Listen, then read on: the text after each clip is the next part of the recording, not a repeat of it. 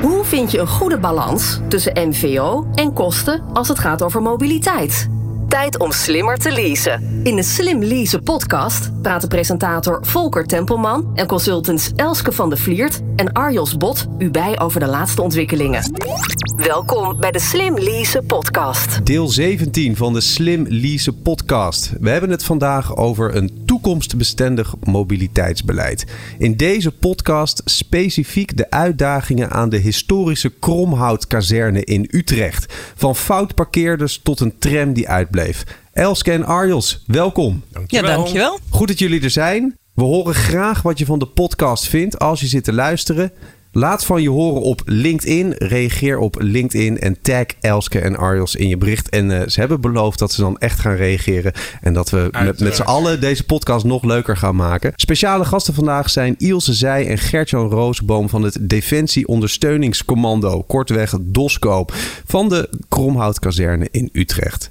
Ilse is senior medewerker vraag en aanbod en Gert-Jan is kazerne-adjudant. Welkom allebei. Leuk dat jullie er zijn. Ja, dankjewel. Dankjewel. Kunnen jullie ons uh, meer vertellen over die Kromhoutkazerne in Utrecht? Gert-Jan, wat is dat voor een plek? Ja, het is eigenlijk een hele historische plek en die gaat eigenlijk al jaren terug. Uh, maar Defensie heeft daar altijd al gezeten. En op dit moment uh, maakt het deel uit nog van, van de Hollandse waterlinie, de nieuwe Hollandse waterlinie.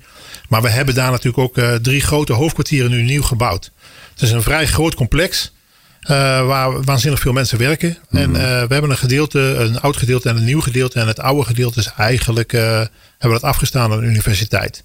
En de University College in Utrecht toch ook ja, dat is, ja, daar, is, daar, daar, maakt de University College die maakt daar gebruik van.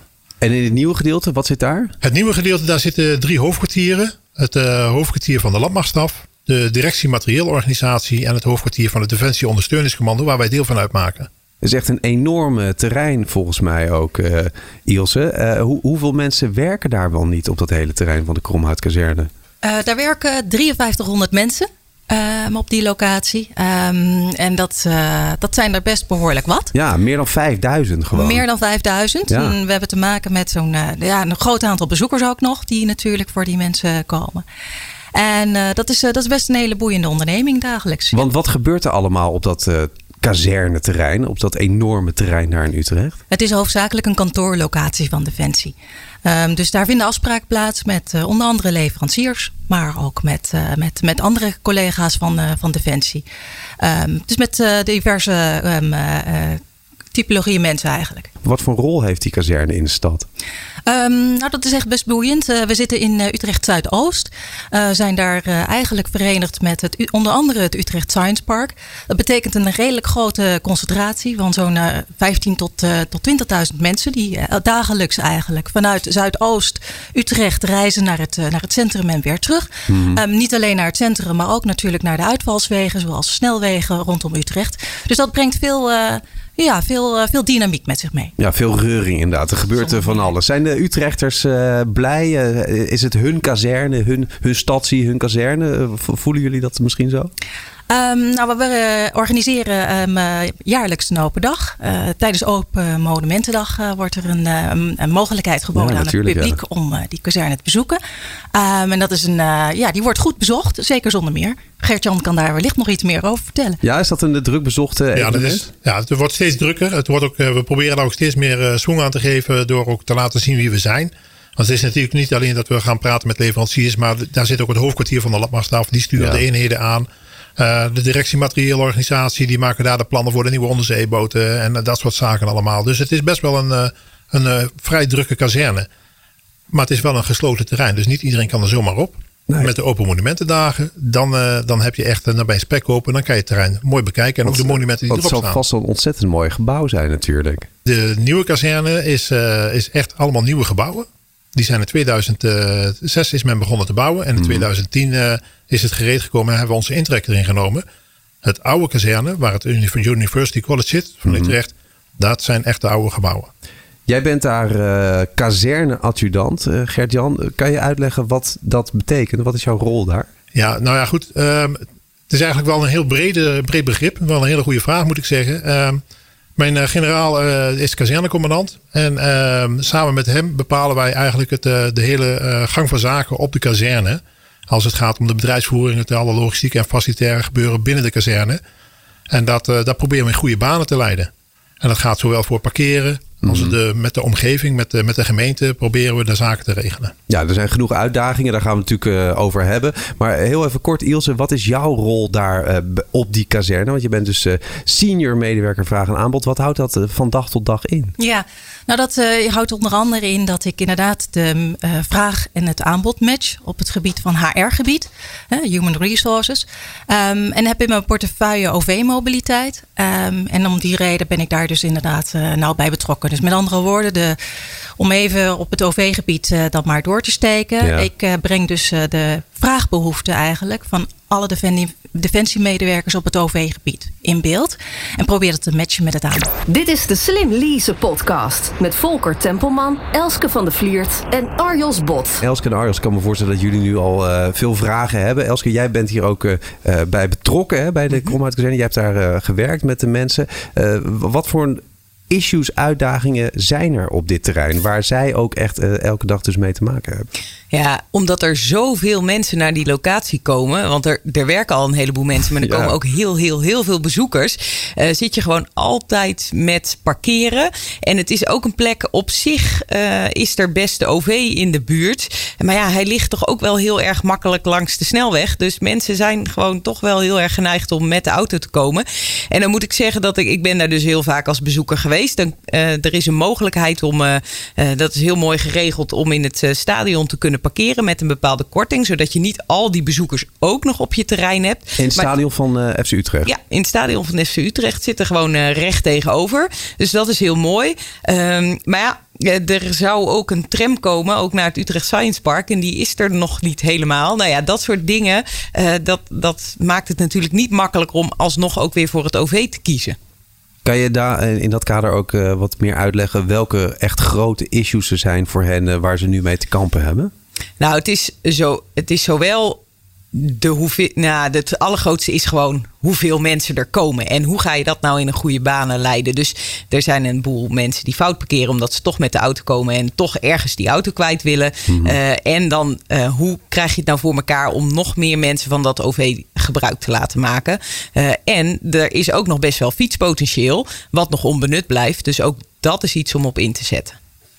Gert-Jan, welke knelpunten ervaren jullie op het gebied van de mobiliteit? Zijn dat inderdaad de punten die Elske nu ook aandraagt? Uh, deels ja, want uh, ja, we hebben natuurlijk een gigantische populatie die iedere dag komt. Maar voor ons geldt dat inderdaad de, de, de lijnbussen, de OV-bussen, dat is toch wel een knelpunt. vanaf lijn 12 in Utrecht. Punt is namelijk dat uh, we directe aansluiting ook naar het USP is. Daar zitten zo'n 40.000 mensen, komen nieuwe bedrijven bij. Wat is USP? Het uh, University Utrecht Science Park. Mm-hmm. Dus daar zitten de, de grote, het UMC zit daar, het Utrecht Medisch Centrum, mm-hmm. hogescholen, universiteiten zitten daar. zitten zo'n 40.000 mensen daar ja, te werken. Een concentratie van mensen die daar allemaal bezig zijn. Die ook allemaal met openbaar vervoer gaan. En daardoor krijgen wij dus de bussen die bij ons langskomen, dus die zitten al vol. Ja. En rijden onze locatie voorbij. Dus dat is al een, een, een, een bottleneck. En uh, inderdaad, de tram is uitgebleven. En uh, ik, we hebben gehoord dat hij dat die mogelijk iets sneller gaat, uh, gaat rijden. Maar dat weten we nog niet helemaal. Maar ja, of hij de, alle, alles aan kan, dat is nog eventjes de vraag. En wat zou die tram, waar zou die, die gaat dan naar Utrecht Centraal? Of wat gaat die tram? ja, die gaat naar, direct naar Utrecht Centraal. Dat zou hij zeven minuten over doen. hij zou eerst wat verspreiden gaan rijden. We hebben nu inmiddels gehoord van de gemeente. En ook bereid omdat we met de gemeente praten dat hij één keer in de spits één keer in de drie minuten zou gaan rijden. Dus dat, dat is een, een behoorlijke vooruitgang qua openbaar vervoer. En waar mogen we dan aan denken? 2020, 2025? Ik, ik weet het eerlijk gezegd niet. Uh... Uh, nou, ik, wij, ons is beloofd in december 2019. En we hebben berichten, althans geruchten gehoord, dat het mogelijk wel eens eerder kon zijn. Dus dat is al uh, medio dit jaar. Dus er wordt concreet echt al aan gewerkt? Ja. Oké. Okay. Ja, maar al heel lang toch? Want wanneer zou die ooit komen? Ja, hij zou in principe al in 2018 natuurlijk al voor ons helemaal gereed zijn uh, en uh, gebruik maken.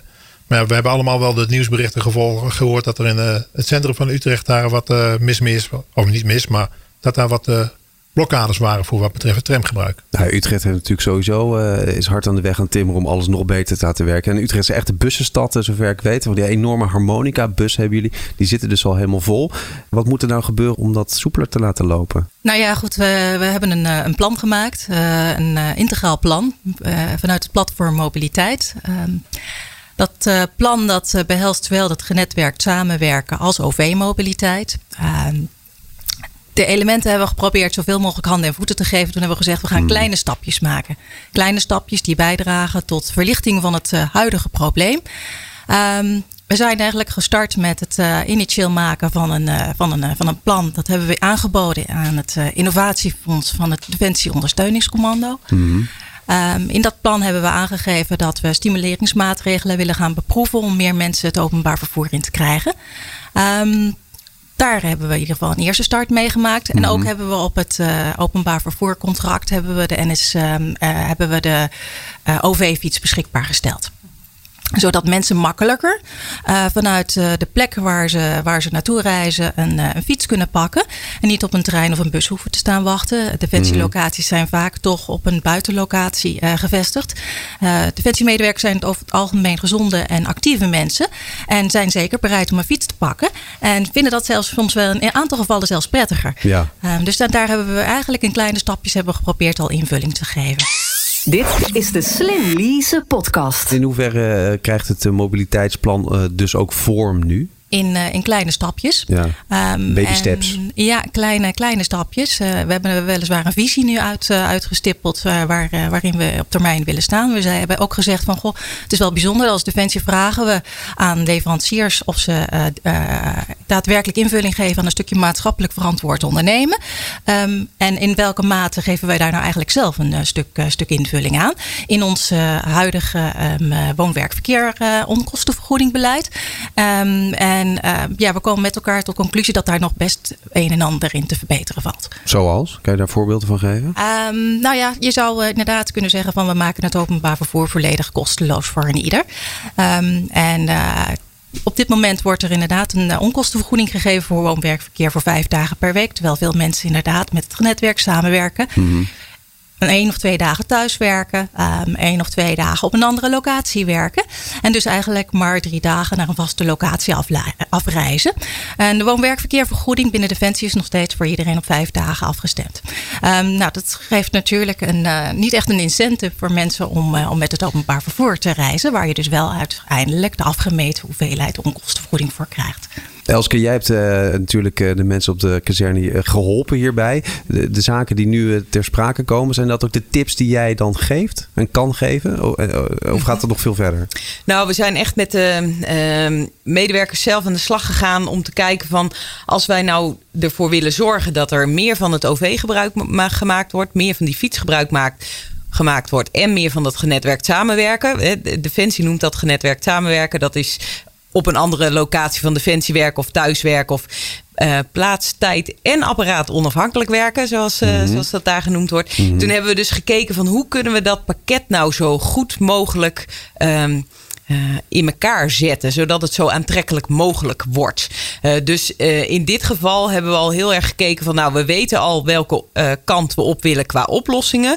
Dus we gaan nu kijken hoe we die blokjes het beste samen kunnen laten werken.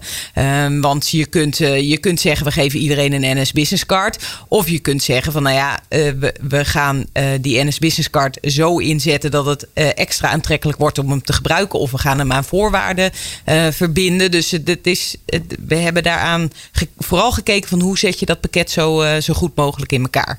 Is dat niet hartstikke moeilijk met zoveel mensen? Meer dan 5000. Ja, dat is ook. Where to begin lijkt me alleen al. dat is ook hartstikke moeilijk. Uh, maar uh, de mensen die, die, we er ook bij hadden, die kennen natuurlijk ook hun collega's wel weer goed. Ja. Uh, en we hebben ook een mobiliteitsscan laten doen, waardoor we goed inzicht kregen in wat er, waar mensen vandaan komen, waar ze wonen, waar ze werken en, en wat dan de meest optimale manier is om te reizen qua tijd en, en afstand. Zat er daar grote verrassingen in, in die mobiliteitsscan? Of echt hele nieuwe inzichten? Gert-Jan, ja, weet ja, nou ja, goed. Uh, we hebben die scan wel laten doen. Uh, echt grote verrassingen uh, zaten er niet in, in, in waar mensen wonen. Want dat is natuurlijk wel vrij, vrij bekend bij ons. Um, allemaal, allemaal, in de, in de, sorry dat ik je onderbreek, maar allemaal in de regio Utrecht? Of Absoluut. Over het hele land? Nee, maar dat is ook een van de grootste knelpunten die we hebben. Wij, de militairen worden bij ons om de drie jaar moeten ze een nieuwe functie krijgen, een nieuwe functie. Ja. En die gaan iedere keer kriskras. Dus waar de militairen gewoon zijn meestal dicht bij kazernes de meeste kazernes die liggen natuurlijk niet prachtig naast een eh, busstation of een treinstation. nee. En, ja, nog, dat is dus, nog niet. Nee, maar daardoor, daardoor krijg je wel dat veel mensen dus ook met de auto komen. Hè? Want als je één keer in de auto zit, dan probeer de mensen er maar eens uit te krijgen. Ja. Dus dat zijn wel een van die knelpunten die we dus, dus hebben. Ehm, die analyse die is wel, heeft ons wel heel veel inzicht gegeven in, in hoe reizen mensen, de tijden waarin men reist, hoe druk het is en de gemiddelde defensieambtenaar die reist toch een enkele reis tussen de 50 en de 80 kilometer per dag. Hoe ga je ze eigenlijk uit die auto krijgen? Dat, ik kan me voorstellen dat jij dat ook wel wil weten, Arjels. Hoe ga je ze uit die auto krijgen, die, die militairen? Nou ja, goed. We zijn natuurlijk bezig geweest met een, met een onderzoek. We hebben eerst een enquête eruit gedaan. Daarna zijn we bezig gegaan ook met de Elske onder andere. Met een hele hoop mensen. En we hebben gekeken van, god, hoe kunnen we dit nu uh, bewerkstelligen? En we hebben eigenlijk met elkaar zijn we erover eens gekomen dat we daar eigenlijk een hele paraplu aan maatregelen voor moeten hebben. Mhm. Eén is natuurlijk het beleid. Dat moeten, dat moeten we aanpassen, arbeidsvoorwaarden, dat soort zaken. Daar, hebben we, daar zijn we enorm druk mee.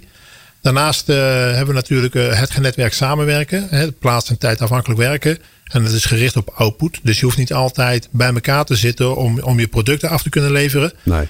En uh, we moeten daarna ook zo mensen faciliteren daarin. Het is niet alleen het openbaar vervoer, maar het is ook faciliteren in digitale uh, producten. Een, een, iPad, dat je in de trein alvast je werk kan doen en dat soort zaken meer. Of Mhm. dat je elders kan werken.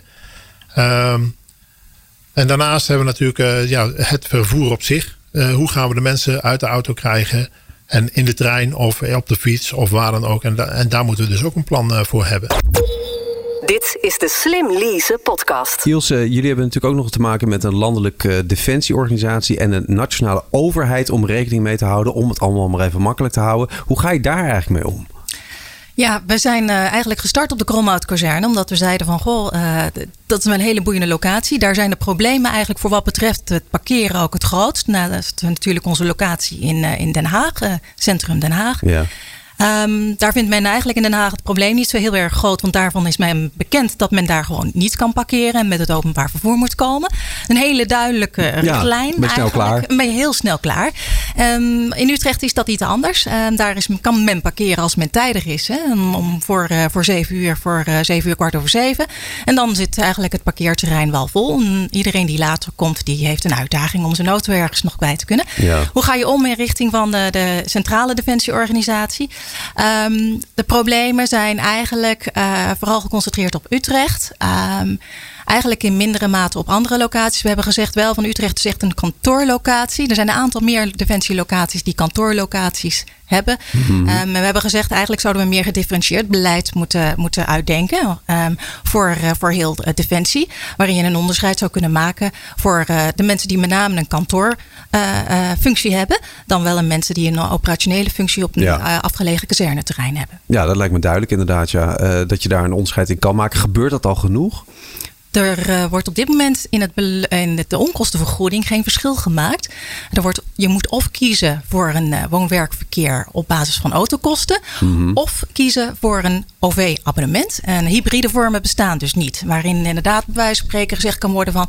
ik kan één of twee dagen met het openbaar vervoer... en de rest van de dagen zou ik graag met de auto willen gaan. Omdat ik bijvoorbeeld uh, taken heb in het kader van mantelzorg... zorg Ja. voor kinderen, et cetera. Ja.